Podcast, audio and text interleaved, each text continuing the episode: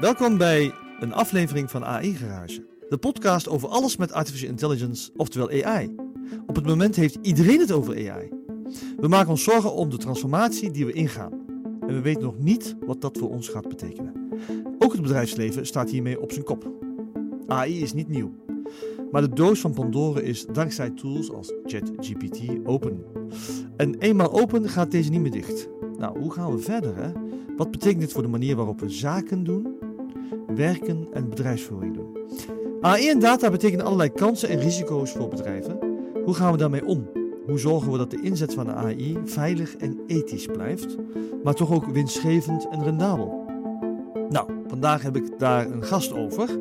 Mijn naam is Eddie Satjan en je host bij deze podcast. Vandaag achter de microfoon Mark van Meel, AI-ethicist, public speaker en werkzaam bij KPMG als manager Trustworthy AI. Wat een mooie titel. Ehm, kun jij iets meer over jezelf vertellen, Mark? Jazeker, ja, dankjewel. En, uh, leuk om hier te gast te zijn. Uh, ik zal het kort houden. Mijn naam is Mark Vermeel. Ik werk voor KPMG. Ik ben een uh, managing consultant daar. En inderdaad, wij helpen klanten met het bewerkstelligen van wat ik dan noem betrouwbare, responsible, hè, of het in Engels het trustworthy artificial intelligence. Dus kunstmatige intelligentie. Um, doen we over meerdere assen. Dus bijvoorbeeld op het gebied van strategie, rollen en verantwoordelijkheden, governance. Uh, en dat kan vaak in, het, ja, in de vorm van een audit zijn uh, of een peer review en dergelijke. Ik vond het trouwens wel mooi dat je zei Pandora's box, hè, zei je, de doos van Pandora. Want inderdaad, deze technologieën zijn niet per definitie nieuw. Hè, dus het, Prometheus heeft al een tijdje geleden het vuur aan ons gegeven. Maar het is nu voor, inderdaad voor iedereen toegankelijk geworden. Dus de doos is nu helemaal open, zou je kunnen zeggen. Vond ik een leuke intro. Dank je. Ook hoe, hoe mooi hoe je dat weer inbrengt. Um, hoe lang doe je dit al? Want uh, ik, ik, ken de titel wel een beetje, maar hoe lang, hoe lang is KPMG hiermee bezig? Um, ik denk, het team waarvoor ik werk bestaat nu zo'n vijf jaar. Dus ik denk vijf jaar geleden had een partner van ons het idee, naar artificial intelligence, dat gaat hem echt worden, hè, ook voor de massa, voor iedereen. Zou het niet een goed idee zijn om daar governance, uh, misschien ook wel assurance op af te kunnen geven. Hè, en in, in de breedste zin aan risicomitigatie en uh, het voorkomen van risico's te doen. Uh, rondom, ehm, laten we zeggen, de steeds grotere datificatie van de samenleving. En daarmee bedoel ik hè, de steeds grotere rol die algoritmes hebben op ons dagelijks werken, op de maatschappij en dergelijke. Ja. En heeft het ook te maken met de link met, met de toeslagenaffaire of andere zaken waarmee uh, de publiek eigenlijk hoorde waarom het soms verkeerd gaat met algoritmes. Ja, ik, ik denk dat wij in Nederland uh, de afgelopen jaren een, nou, natuurlijk heel, helaas een aantal schandalen hebben gehad. Um, internationaal zijn er ook tal van schandalen op te noemen. Je hoeft maar te googlen naar discriminerende algoritmes of problemen met datasets hè, die toch helemaal niet zo, laten we het zeggen, eerlijk bleken samengesteld te zijn hè, um, met data uit het verleden. Um, ik denk dat we een inhaalslag aan het maken zijn op, op, dat, uh, op dat gebied. Maar ik denk ook dat we de komende jaren nog wel een aantal meer schandalen gaan zien. En die zijn helaas vaak nodig om mensen in beweging te brengen. Ja, even bij de bedrijven. Hè? Je, kan, je kunt geen uh, klanten noemen, denk ik. Maar um, zijn het hele grote jongens of uh, meisjes? of zijn het, ja, wat voor bedrijven zijn het? Um, ja, dat verschilt. Um, ik, we hebben publieke sector mhm. klanten. Overheid, denk ik. Ja, gemeentes. overheid. Jazeker. Ja. Uh, nou, ik moet zeggen, gemeentes die zijn vaak uh, best, die lopen voorop. Uh, vaak als het gaat over het managen van de risico's van algoritmes. en ook hoe ze met technologie omgaan. Dat vind ik altijd leuk om te zien. gemeente Amsterdam bijvoorbeeld. een echte smart city. Um, zoals ik al zei, ja, veel publieke sector klanten, maar ook um, ja, corporates, om het dan zomaar even te noemen. Ja, mag ik, mag ik daar iets gemeens over vragen? Is het algo-washing? Uh, Wat je soms hoort, hè? want net zoals greenwashing of youthwashing, dat sommige bedrijven dan, hè, laten we zeggen, jullie inhuren of een concurrent van jullie of een collega en zeggen van ja, wij zijn heel erg bezig met uh, regulering en het nadenken en, en misschien een certificering omtrent uh, het veilig en juist gebruiken van algoritmes.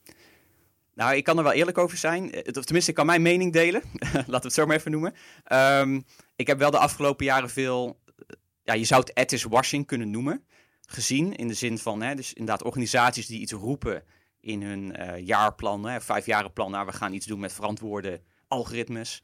En daar in de praktijk, nou, misschien niet heel veel mee doen. waar inderdaad wij dan vaak voor gevraagd worden. Van hoe doen we dat dan in de praktijk brengen?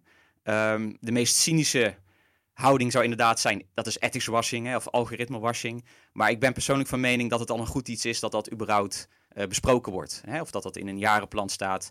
Um, en dat de hoe-vraag nog niet helemaal helder is. Allah.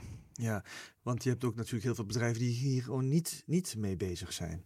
Nee, en dat kan ik bedrijven ook niet kwalijk nemen. Want uh, jij gaf het net al aan, hè, de technologie is misschien niet nieuw. Artificial intelligence als technologie bestaat al, ja, al tientallen jaren ethiek bestaat al 2500 jaar. Um, wat wel nieuw is, zijn de risico's, de ethische risico's, die voortkomen uit uh, de grootschalige toepassing van algoritmes en artificial intelligence. Um, die zijn wel degelijk nieuw. Dus ik kan het organisaties niet kwalijk nemen dat ze niemand hebben die daar um, uh, het fijne van weet.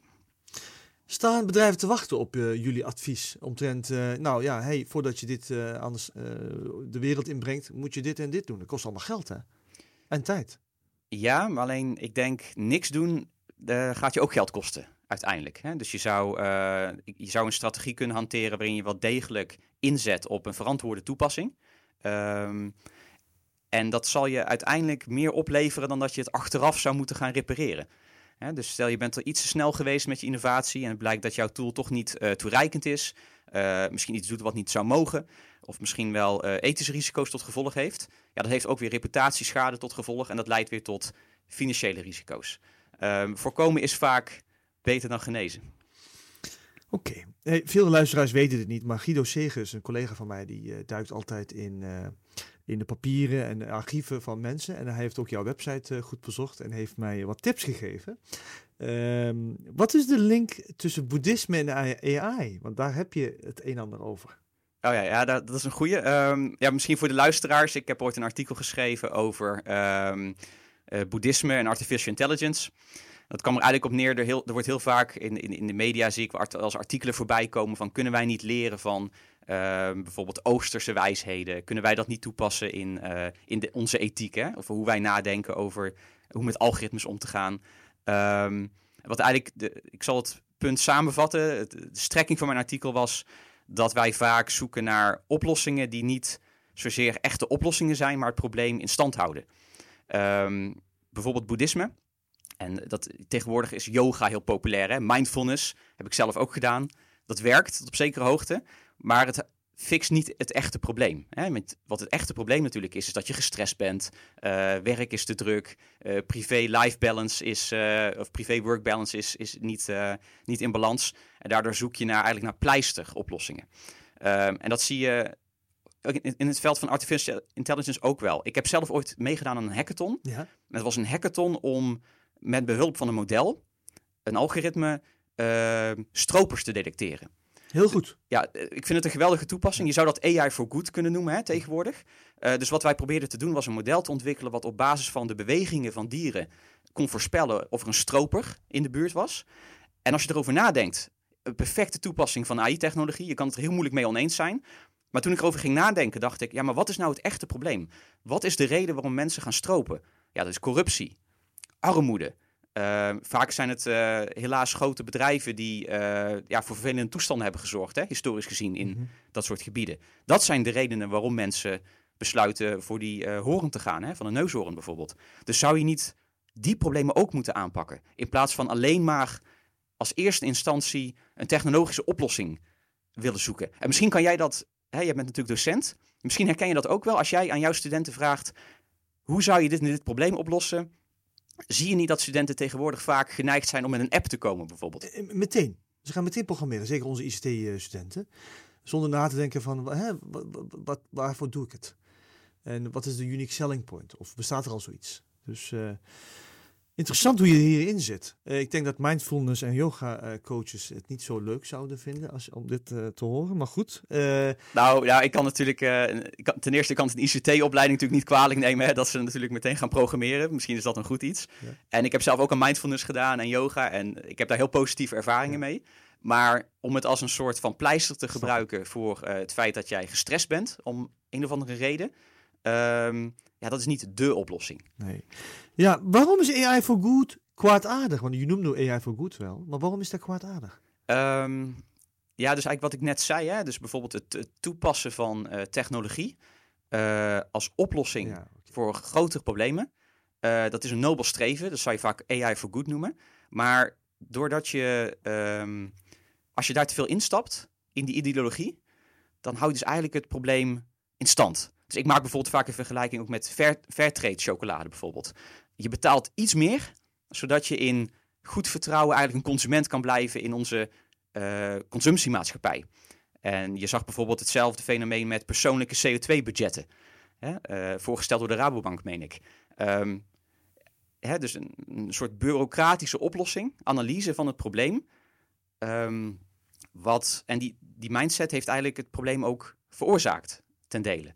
Hè, dus het, het- de oplossing kan nooit meer van het eh, probleem zijn, als je snapt wat ik bedoel. Ja. Dus nogmaals, ik heb helemaal niks tegen het toepassen van eh, AI en algoritmes hè, om bijvoorbeeld stropers te detecteren of... eh, Of blinden te laten zien. Nee, of, nee, zeker niet. ja. Alleen vergeet ook niet het menselijke aspect uit het oog. En waarschijnlijk in de praktijk zal je een soort NN-oplossing moeten vinden. Bijvoorbeeld ook ten tijde van corona. Hè? We hadden treinen die niet reden. Eh, omdat er simpelweg te weinig medewerkers waren.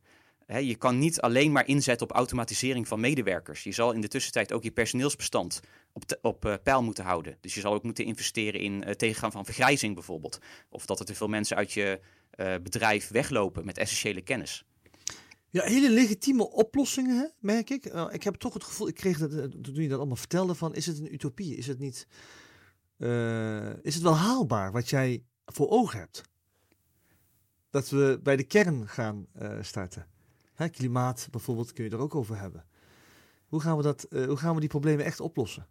Ja, klimaat is een lastige. Eh, ja, maar ik bedoel, dat was maar een voorbeeld, hè? Maar ehm, begrijp je mijn vraag?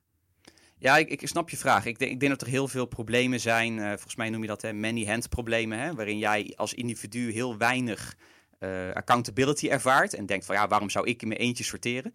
Ehm, ik, ik ben niet cynisch. Hè, de meest cynische analyses er zijn, het heeft geen zin. Dit zijn problemen die we echt op nationaal niveau of op het eh, niveau van organisaties moeten aanpakken.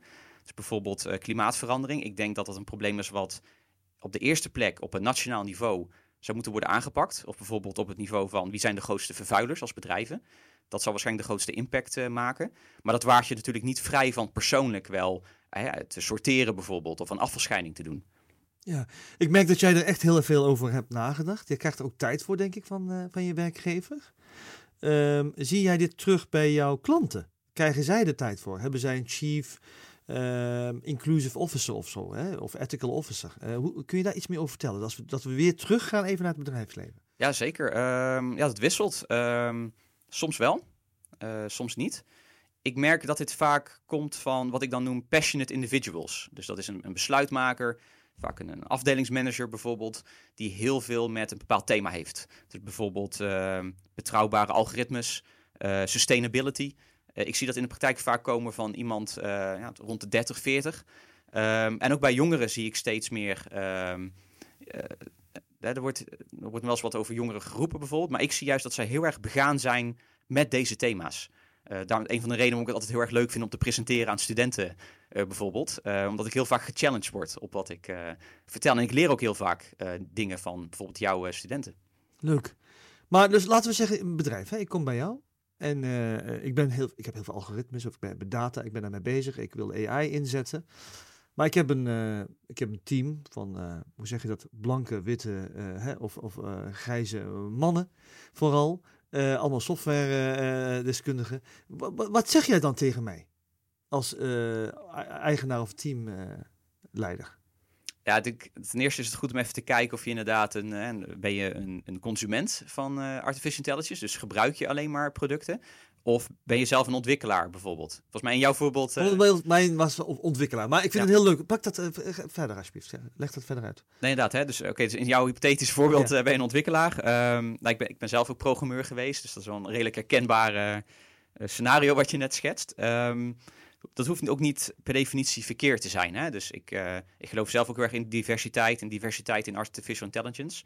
Vooral op het gebied van eh, hè, gedachten, nadenken. Ehm, ik denk dat het in de praktijk, en dat, dat, zie je nog wel eens gebeuren, oneerlijk zou zijn om de complete verantwoordelijkheid, bijvoorbeeld of je systeem ethisch, eerlijk is, et cetera, neer te leggen bij een data scientist of, een, of meerdere individuen, meerdere data scientists. Ik denk dat het in de praktijk vaak zal moeten komen van en een manager, een besluitmaker, een data scientist, uh, governance daaromheen. Uh, ik denk ook een soort hè, eerste lijns audit uh, functie binnen een organisatie. Uh, Gatekeeper. Ja, bijvoorbeeld. Um, je zou het ook een beetje kunnen vergelijken met uh, processen die organisaties op dit moment hebben ingericht rondom privacy. Hè, moet je een DPIA doen, hè, bijvoorbeeld. Als je... Wat is dat ook alweer? Uh, ja, dat is een, een, een, DPIA is een Data Protection okay. formulier, eigenlijk een impact assessment zou je het mhm. eigenlijk kunnen noemen. die je moet invullen als je data wil gebruiken of hergebruiken. En dan gaat er iemand naar kijken of je persoonsgegevens gebruikt en of je dat wel mag, bijvoorbeeld. Nou, diezelfde methodologie zou je ook bijvoorbeeld rondom ehm, AI kunnen inrichten. Oké, ik, heb, ik heb een algoritme, ik heb daar data voor nodig. Um, wie zijn dan bijvoorbeeld de stakeholders? Wie zijn de geaffecteerden? Uh, wie, wie, draagt de verantwoordelijkheid voor het algoritme? Is het algoritme een inherent uitlegbaar of blackbox uh, algoritme, hè, model, wat misschien moeilijker uit te leggen is? Is niet altijd wenselijk in ieder scenario. Um, hè, als je bijvoorbeeld moet uitleggen aan een accountant of een auditor wat je systeem doet, kan lastig zijn. Terwijl een andere domein is het juist per definitie een blackbox algoritme wat je wil gebruiken. Bijvoorbeeld in een medische context. Als het gaat om een analyse van beelden bijvoorbeeld. Ja, want je wilt natuurlijk niet weten wie, wie erachter zit. De gegevens van de patiënten. Die moeten geheim blijven. Ja, en, en wat je ook vaak ziet in bepaalde domeinen zoals beeldherkenning. De beste algoritmes die we hebben, die zijn inherent blackbox. Uh, dat zijn vaak problemen die te complex voor ons mensen zijn. Dus het is ook niet heel raar dat we daar de meest, uh, laten we zeggen, complexe, ondoorzichtige algoritmes tegen aangooien. Dus ik geloof, hè, om even terug te gaan naar de kern. Ik geloof alleen dat in dat samenspel van uh, een juiste verdeling van rollen en verantwoordelijkheden, inrichting van de juiste governance, um, risicomitigatieprocessen, um, dat je daar als organisatie op een betrouwbare en verantwoorde manier mee om kan gaan. Uh, daar helpen wij organisaties dus bij. Dat, dat is iets wat ik doe en dat vind ik heel erg leuk. Ik krijg heel veel energie van. Uh, maar nogmaals, ik kan het organisaties niet kwa kwalijk nemen als die specifieke kennis ontbreekt. Het is een, het is een redelijk nieuw veld natuurlijk. Je kan uh, over alle, elk onderwerp wel wat uitbreiden. Ik, we kunnen een paar podcasts met jou opnemen, merk ik. Ik wil toch even stilstaan bij die blackboxen. Hè? Als we kijken naar generatieve AI en vooral ChatGPT, de meeste mensen uit, uit de wereld zijn daar nu mee in aanraking gekomen met AI. Dat is ook een blackbox. Dat is de grootste aanval eigenlijk van deskundigen omtrent het gebruik daarvan. Um, Zie jij later OpenAI of andere Google Bard, et cetera, dat ze het op de een of andere manier gaan openstellen? Of uh, ik, ik knik ja. Waarom? Waarom denk je dat? Want ik, ik las een artikel dat Google eerst heel veel informatie gaf over AI, totdat uh, ChatGPT werd gelanceerd. toen zijn ze een beetje huiverig gaan uh, doen. Ja, misschien was het een valse ja hoor. Die ik, uh, oh. die ik... nee, klopt. Hè? Dus uh, ChatGPT en die, die, heel veel van die generative uh, eh, AI-modellen. Dus dat zijn modellen die niet alleen onderscheid maken tussen klassen, maar ook daadwerkelijk zelf een output produceren. Um, die zijn vaak black box. Hè? Dus bijvoorbeeld ChatGPT is een generative pre-trained transformer model. Dat is een heel fancy woord voor een heel moeilijk taalmodel, om het zo maar te zeggen. Um, ik, ik, wat je volgens mij ziet, OpenAI is een interessant voorbeeld. Want OpenAI was volgens mij ooit opgericht als een soort, soort stichting, was het volgens mij, of een non-profit. Mm daar komt de naam ook vandaan, OpenAI. Ze, ze wilden artificial intelligence openmaken voor het publiek. Meen dat Elon Musk daar toen ook bij betrokken was en geld heeft ingelegd. En ergens halverwege is het een, een, een private company geworden, hè? Uh, waarin Microsoft nou in heeft geïnvesteerd. Um, dus ergens op de rit zijn ze niet meer zo open geworden. Zou je zijn closed, closed AI. Closed AI. Um, nee, klopt. Um, ik denk dat dit. Er wordt vaak gesproken over democratize AI. Hè? Dus, en daar wordt vaak mee bedoeld: maak AI toegankelijk voor iedereen. Voor jou, mij, mijn moeder. Um, dat zie je in de cloud ook. maar wat niet wegneemt, dat bijvoorbeeld ook met cloud-infrastructuur, uh, die is vaak in handen, of die is in handen van maar drie partijen. Laten we eerlijk zijn. Hè? Uh OpenAI is ook open in zover zij jou toestaan gebruik te maken van hun diensten, hun dienstverlening, die ze ten alle tijden kunnen aanpassen. Dat hebben we ook de afgelopen tijd gezien uh, met nieuwe versies van het model. De ene is weer wat politiek correcter dan de ander. Um, volgens mij zie je juist veel meer een trend dat kleinere partijen zelf ehm, dit soort modellen ontwikkelen. Zoals bijvoorbeeld een, een, een equivalent van ChatGPT. Die zijn vaak, zijn vaak kleiner in aard. Want ze hebben inderdaad niet de resources of de capaciteit of de data van een Google of een OpenAI of een Microsoft. Ehm, maar daardoor worden ze ook gedwongen efficiënter om te gaan en betere resultaten te produceren met kleinere neurale netwerken. Dus ik zie juist veel meer kleinere, lokalere varianten van dit soort modellen. Een soort open source uh, misschien. Ja, ja, dat zou je volgens mij wel terecht uh, open source kunnen noemen. Um, nogmaals, hè, we kunnen heel lang hierover praten. Ik wil, ik wil nog één uh, laatste vraag aan jou stellen, Mark. Wat is de boodschap richting bedrijven, maar ook misschien programmeurs, vanuit jou, als ze aan de slag willen met AI? Um, en daarmee bedoel je een, een organisatie die misschien nog niet ja, die nog niet, heeft. Ja. Um, ik zou altijd zeggen klein beginnen. Dus ik geloof altijd heel erg in. Kijk, er moet vast wel iemand in jouw organisatie zijn die affiniteit heeft met artificial intelligence, of bijvoorbeeld ChatGPT, die anderen zou kunnen trainen, bijvoorbeeld, die anderen zou kunnen helpen. Ik geloof heel erg in, in wat ze dan noemen hub- en spook model. Dus er is binnen een organisatie vast wel een team of een afdeling die meer heeft met dit thema dan andere afdelingen. Bijvoorbeeld in een ziekenhuis hè, heb je vaak radiologie die, die zijn per definitie, uh, laten we even zeggen, tech-savvy? Of, of, goed met algoritmes. Um, dus ik zou zeggen, begin klein. Kijk wat, wat je al voorhanden hebt. Identificeer of je een uh, producent bent of alleen maar een afnemer van uh, technologie. Um, dat bepaalt ook weer erg bijvoorbeeld welke wet en regelgeving voor jou van toepassing is. Of je iets ontwikkelt of alleen uh, verwerkt. Um, ja, kijk eens of je vanaf daar verder kan komen. Dus klein beginnen klein beginnen altijd. Heel goed. Ben ik nog iets vergeten te vragen, ja, Mark? Nou, ik, er zijn heel veel dingen waar we nog over kunnen hebben. Ik zeg wel eens, de beste gesprekken zijn onvoltooide gesprekken. Dus uh, misschien moeten we dat in de toekomst uh, een keer doen. Lijkt me leuk. Dankjewel. Hartelijk dank. Uh, ik vond het echt heel leerzaam. Dankjewel daarvoor. Nou, conclusie hè. We staan voor een flinke uitdaging met onze AI-transformatie. Grote bedrijven zullen hier makkelijker mee omgaan dan de kleinere. Maar de weg is lang en vol vragen. Ondertussen blijven, ondertussen blijven we zoeken naar antwoorden. En ze kunnen bij jou terecht als ze vragen hebben natuurlijk. Bedankt, Mark. Uh, heel erg bedankt. Beste luisteraars, bedankt voor jullie aandacht. We hopen dat jullie er weer blij bij zijn voor onze volgende aflevering. Tot dan.